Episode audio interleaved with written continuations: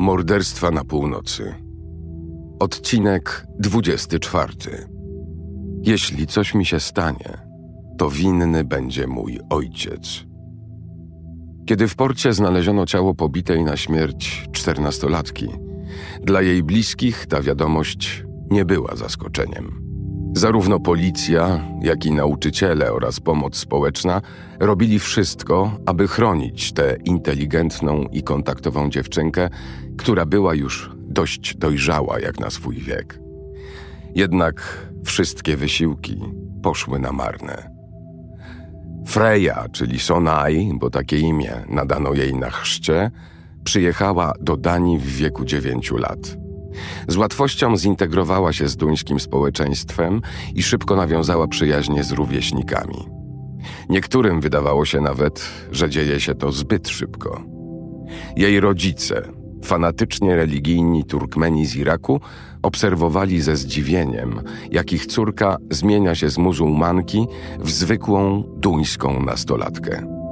Stanowiło to kość niezgody w ich relacjach.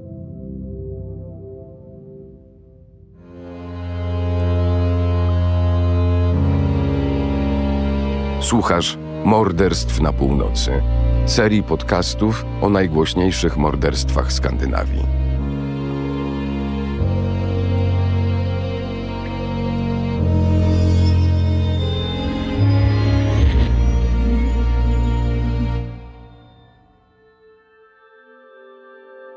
Odcinki bazują na prawdziwych zdarzeniach, które zostały przeanalizowane przez Janę Agard i opowiedziane przez Paulinę Holz.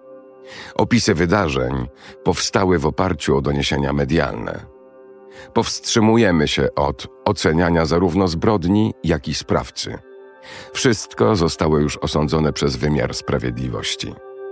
Prosimy pamiętać, że niektóre z opisanych tu szczegółów mogą wywołać silne emocje, zwłaszcza dlatego, że mowa tu o życiu i śmierci autentycznych osób.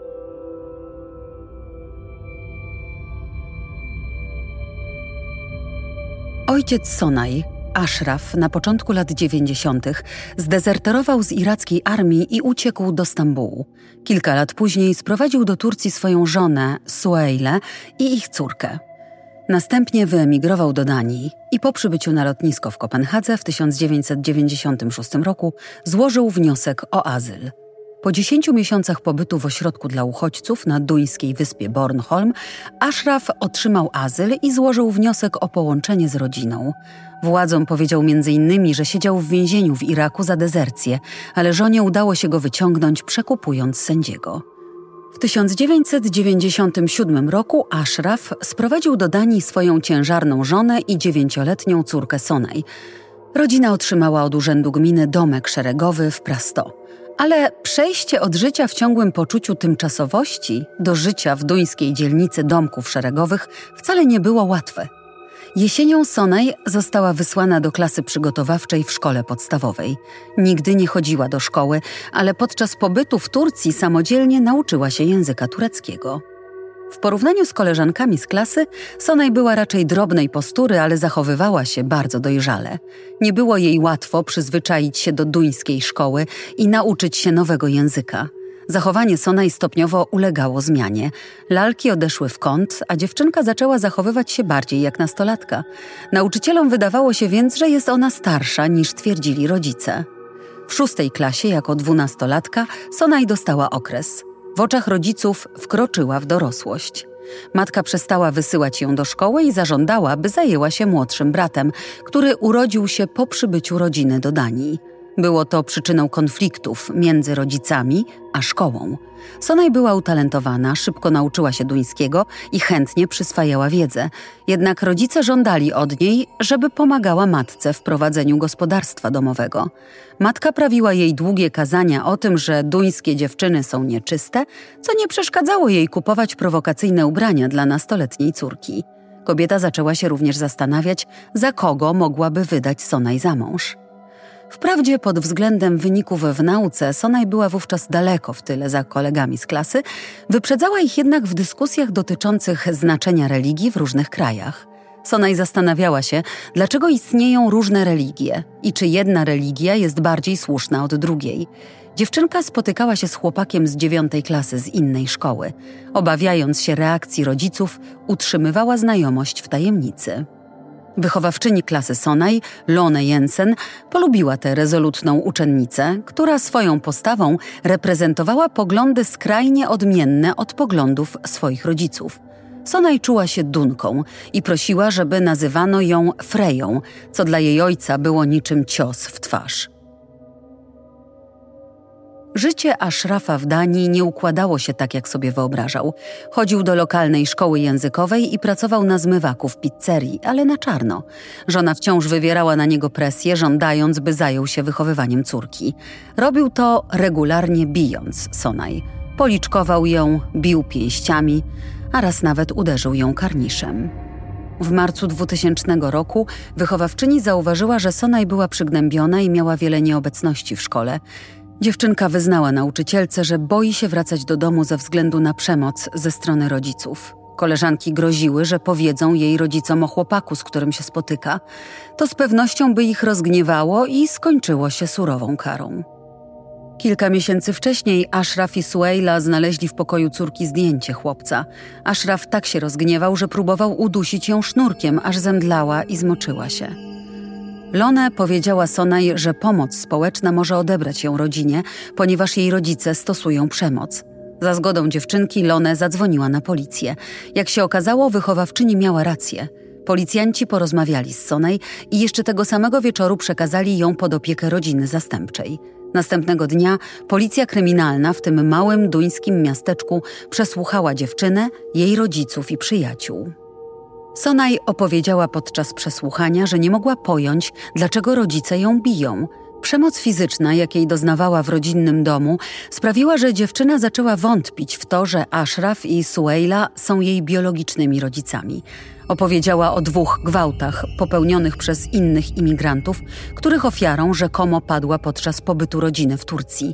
Okazało się również, że była o rok starsza niż wynikało to z dokumentów złożonych w procedurze łączenia rodzin. Przede wszystkim jednak Sonaj martwiła się o bezpieczeństwo swojego młodszego brata. Skoro rodzice traktowali ją w taki sposób, to co czekało jego? Urząd do Spraw Dzieci i Młodzieży potwierdził, że Sonaj była wyraźnie zaniedbywana przez rodziców. Dziewczynka została umieszczona w rodzinie zastępczej w Prasto. Jednak trudno było jej się tam zadomowić, a w nocy często męczyły ją koszmary. Coraz bardziej martwiła się o młodszego brata – Kilkakrotnie pisała do przydzielonej jej pracownicy socjalnej, opowiadając o tym, jak została zgwałcona w Turcji, gdy czekała z matką na połączenie rodzin. Ashraf i Suejla nalegali, by zobaczyć córkę. W siedzibie Miejskiego Urzędu do Spraw Dzieci i Młodzieży zorganizowano spotkanie w obecności kuratora. Podczas spotkania rodzice próbowali nakłonić córkę do powrotu do domu. Wstydzili się, że córka została im odebrana przez władze. Jednak Sonaj nie uległa ich namowom. Miała chłopaka, lubiła szkołę i podobało jej się w Danii. Chciałaby nazywano ją Freja, pragnęła żyć i nie miała czasu na bycie muzułmanką. Zapytała nawet swoją matkę zastępczą, czy może mówić do niej mamo. Tymczasem biologiczni rodzice dziewczyny starali się ze wszystkich sił ukryć przed otoczeniem, że urząd odebrał im córkę. Kłamali, mówiąc, że wróciła do Turcji. Nie przyznając się do tego nikomu, Sonaj odwiedzała rodziców, by zobaczyć, jak radzi sobie młodszy brat. Jej wizyty kończyły się zawsze wielkim konfliktem. Rodzice wystąpili o paszport dla Sonaj i nalegali, by wyszła za mąż za muzułmanina. Podczas kłótni o to, czy zachowała czystość, Sonaj opowiedziała rodzicom o dwóch gwałtach w Turcji. Ashraf zaczął jej grozić, że zabije jej duńskiego chłopaka, bo to prawdopodobnie on odebrał jej niewinność. Sonaj krzyknęła wtedy, że nie miał czego odbierać. Wybiegła z domu, a na dworcu poprosiła o pomoc taksówkarza, bo ścigał ją ojciec. Pomocy, mój ojciec chce zabić mojego chłopaka, proszę zadzwonić na policję. Ze względu na toczące się postępowanie, policja przyjechała natychmiast, a Sonaj udało się bezpiecznie wrócić do Prasto, do rodziny zastępczej. Policja zakończyła czynności śledcze, a prokuratura skazała Ashrafa za znęcanie się nad córką. Na rozprawie sądowej, która odbyła się w styczniu 2001 roku, Sonaj zeznawała przed sądem. Taksówkarz z dworca potwierdził jej zeznania. Ashraf otrzymał karę 6 miesięcy pozbawienia wolności, natomiast Sueila dostała 10 dni aresztu w zawieszeniu. Kiedy ogłoszono wyrok, Sueila wybiegła z sali sądowej i rzuciła się pod nadjeżdżający samochód. Kierowcy cudem udało się zahamować. Sueila była po raz trzeci w ciąży i nie panowała nad emocjami. Podczas gdy jej mąż odsiadywał wyrok za znęcanie się nad córką, kobieta wywierała ekstremalną presję na dziewczynę i opiekę społeczną. Nalegała, żeby Sonaj wróciła do domu. W końcu ktoś musiał się zająć opieką nad dziećmi. Ashraf został zwolniony z aresztu w czerwcu. Tymczasem Sonaj zdobyła w pewnym sensie władzę nad swoimi rodzicami, ponieważ ci, z obawy przed utratą reputacji, obiecywali córce złote góry. Po dwóch latach spędzonych w rodzinie zastępczej na początku 2002 roku, Sonaj wróciła do domu. Rodzicom zastępczym powiedziała, że jej ojciec zmienił się po odbyciu kary. Wkrótce jednak sama zaczęła mieć wątpliwości co do słuszności decyzji o powrocie. Również matka zastępcza martwiła się o Sonaj, pokochała dziewczynę i obawiała się, że powrót do domu może się dla niej źle skończyć. Sonaj powiedziała jej tylko: Jeśli coś mi się stanie, to winny będzie mój ojciec. Po powrocie córki rodzice postanowili o nią zawalczyć. Pozwalali jej wychodzić z domu. Sonaj przestała chodzić do szkoły i oddała się imprezowaniu z przyjaciółmi. Rodzice pozwolili jej przyprowadzić do domu jej nowego, tureckiego chłopaka, nawet w ich obecności. Jednak ze względu na powikłania po porodzie Sueila musiała wrócić do szpitala z nowonarodzoną siostrzyczką Sonaj. Tymczasem Ashraf miał pilnować córki i jej chłopaka, którzy imprezowali w domu z paczką znajomych. Po trzech tygodniach od powrotu do domu, około północy, w sobotę 8 lutego, Sonaj zniknęła. Jej chłopak, jego młodszy brat i kolega byli w domu Sonaj, gdzie głośno imprezowali, tańczyli i pili, ku wielkiemu ubolewaniu Ashrafa i sąsiadów. Później Sonaj pojechała wraz z ojcem na pobliską stację benzynową, aby kupić kartę do telefonu. W niedzielę o godzinie 9 rano pewien rybak zadzwonił na policję w Wordingborg – w lodowato-zimnych wodach portu Prasto odnalazł martwe ciało. Była to dziewczyna lub młoda kobieta. Nie znaleziono przy niej ani telefonu komórkowego, ani dokumentów. Ratownicy pogotowia ratunkowego próbowali ją reanimować, najpierw na miejscu, a później po przyjeździe do szpitala. Ostatecznie jednak potwierdzono jej zgon. Ze względu na otwartą ranę z tyłu głowy ofiary domyślano się, że nie był to wypadek. Sekcja zwłok potwierdziła teorię policji. Sprawca uderzył dziewczynę w tył głowy twardym przedmiotem i bił ją w twarz. Na rękach ofiary znaleziono ślady obrony, które powstały podczas szamotaniny. Śmierć nastąpiła w wyniku działania siły w połączeniu z utonięciem. Trudno powiedzieć, jak długo ciało przebywało w wodzie, której temperatura wynosiła 7 stopni. Policja zabezpieczyła teren wokół portu, aby spokojnie zbadać miejsce zbrodni. Na ziemi znaleziono m.in. wyraźne ślady opon, które wymagały dokładnych oględzin. Ponadto śledztwo wykazało, że zgon musiał nastąpić między trzecią w nocy a dziewiątą rano.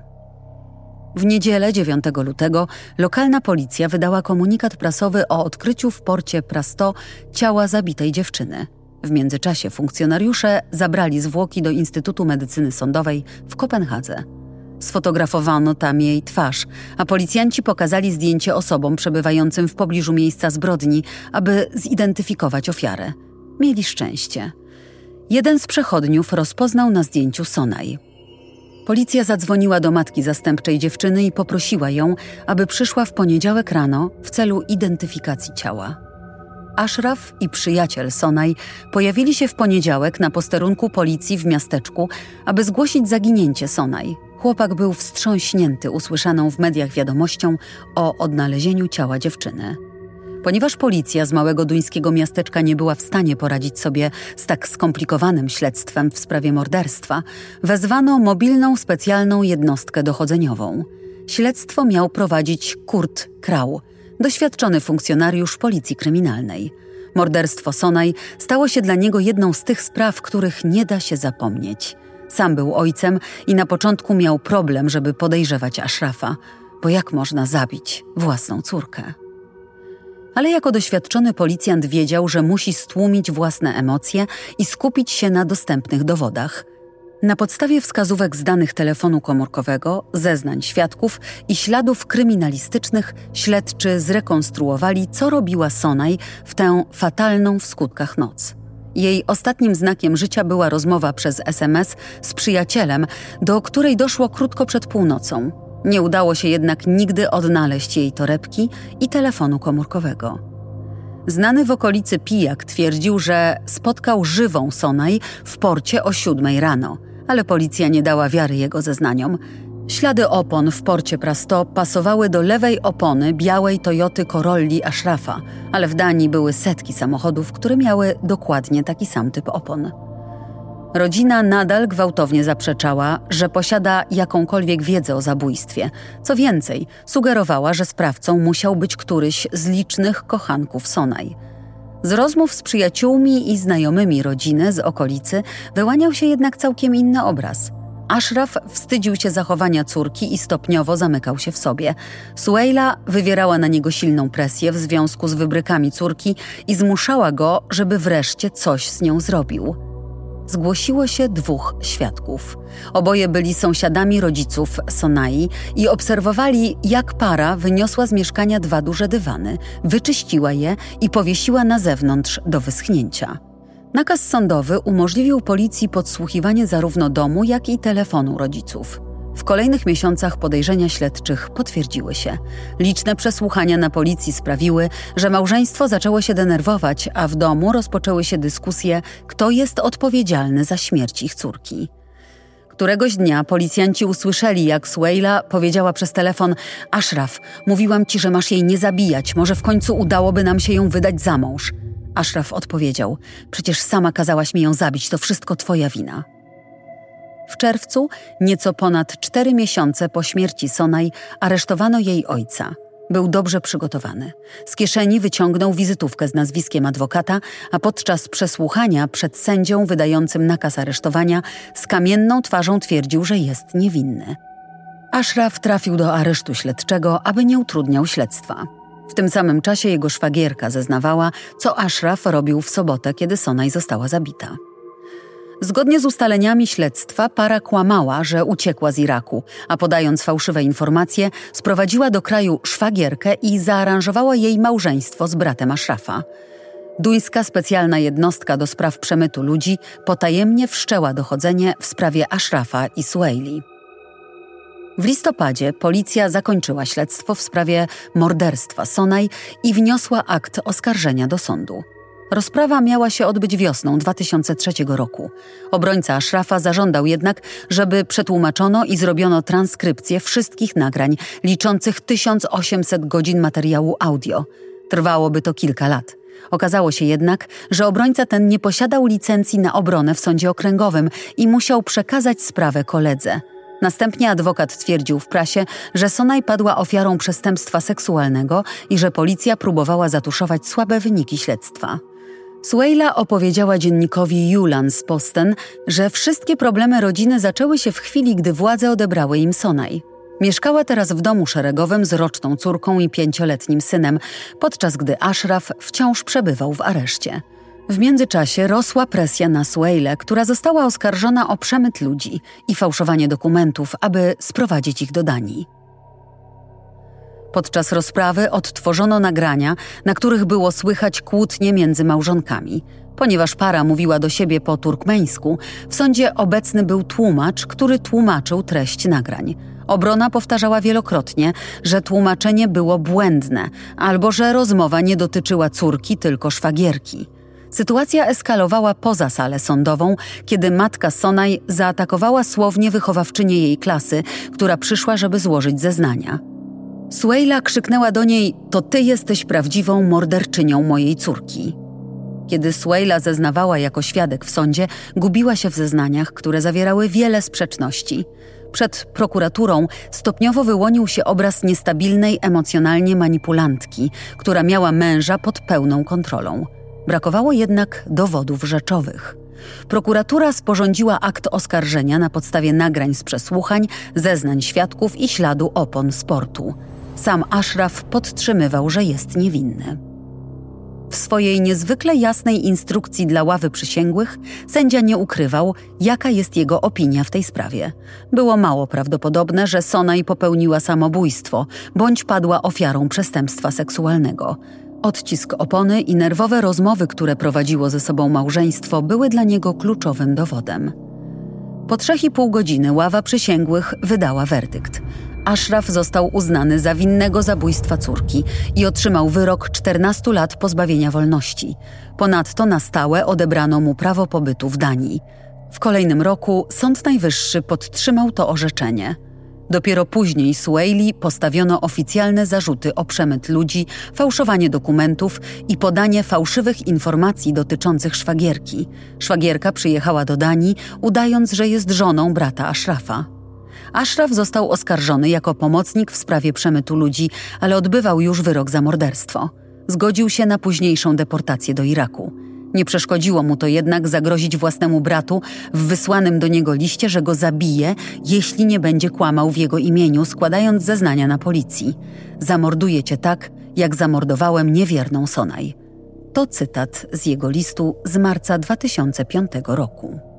Czytając te słowa, Kurt Krau z mobilnej specjalnej jednostki dochodzeniowej wreszcie odetchnął z ulgą.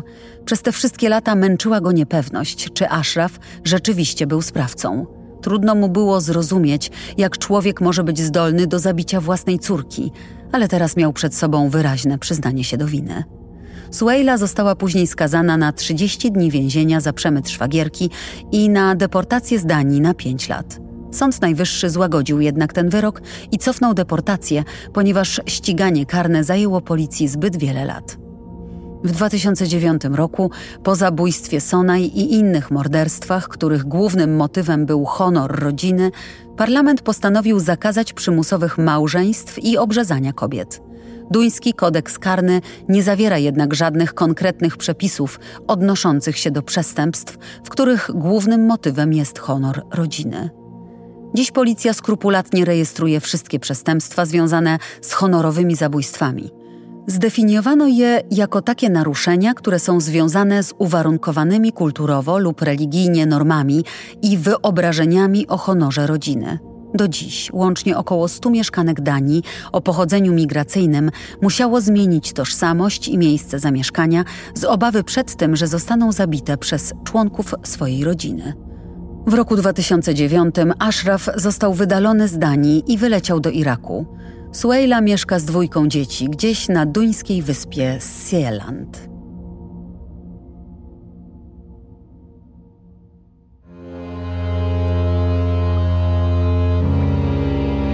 Wersja polska, tłumaczenie i realizacja nagrań Roboto Sound czytała Paulina Holz.